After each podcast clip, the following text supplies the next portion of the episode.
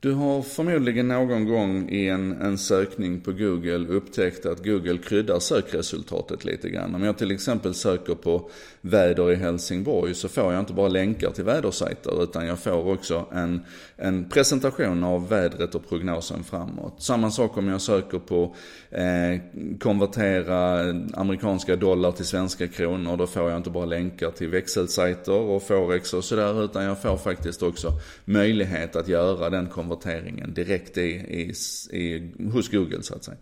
Och det här gör ju Google, och det finns massor med sådana exempel, ni ser dem hela tiden. Flygbiljetter, hotellbokningar, eh, sportresultat. Eh, och det här gör ju Google dels för att göra användarupplevelsen bättre, men naturligtvis också för att hålla kvar folk i sin, i sin plattform.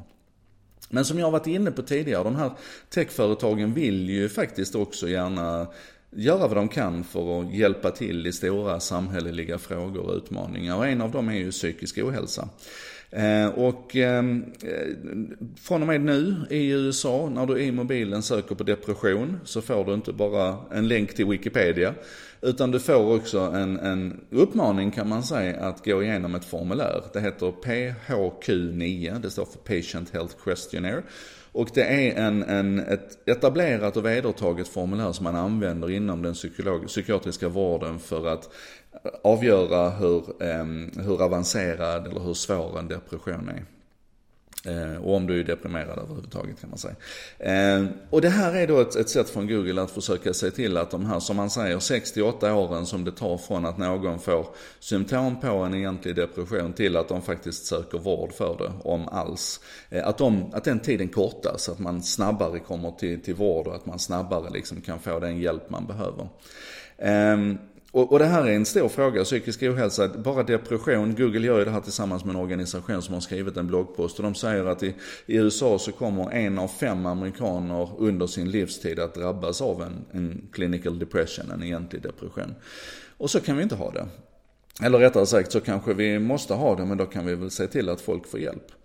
Och det här är inget unikt eller specifikt för just Google. Facebook har länge nu arbetat aktivt med det här och har massor med teknik och artificiell intelligens som tittar över det som sker i, i det folk postar. Eh, letar efter suicidala eh, kommentarer och letar efter självskadebeteende. I livesändningar så har man jättemycket verktyg nu som, som både försöker avgöra vad det är som händer men som också kan hjälpa vänner att att flagga både till Facebook och, och, till varandra och till den som sänder och så här och erbjuda hjälp. Alltså på alla sätt försöker man komma åt det här. Och precis som jag för ett tag sedan här utmanade dig att vara Mark Zuckerberg för en dag och använda din plattform med 2,1 miljarder användare till, till någonting gott som du tycker är viktigt. Så skulle jag nu vilja att du funderade på vad du skulle göra med Googles sökresultat. Eh, vad finns det för potential där kan du se i de sökningar, för jag menar seriöst, vi hänger ju på Google varje dag, eller hur? Vad skulle du kunna tänka dig att, eh, att göra med det sökresultatet för att lösa någon samhällelig utmaning? Eh, hållbarhetsfrågan till exempel. Va? Hur, hur skulle man kunna arbeta med klimatfråga, hållbarhet? Eh, vilka frågeställningar skulle vara relevanta där? Ehm, när någon söker på sopsortering, vad skulle vi kunna göra med det och så vidare. Alltså bara tänk helt fritt och klura runt samhälleliga utmaningar som du tycker är viktigt. Men en sak till.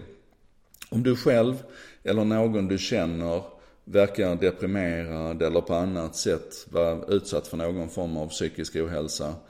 Var inte passiv runt den frågan, varken för din egen del eller för dina vänners eller för din familj. Ehm, jag postar en länk i, i anslutning till den här En sak idag, ehm, där du, kan, där du kan börja om det är så att du behöver eller vill ge hjälp i den här frågan. Psykisk ohälsa måste vi hjälpas åt att bekämpa.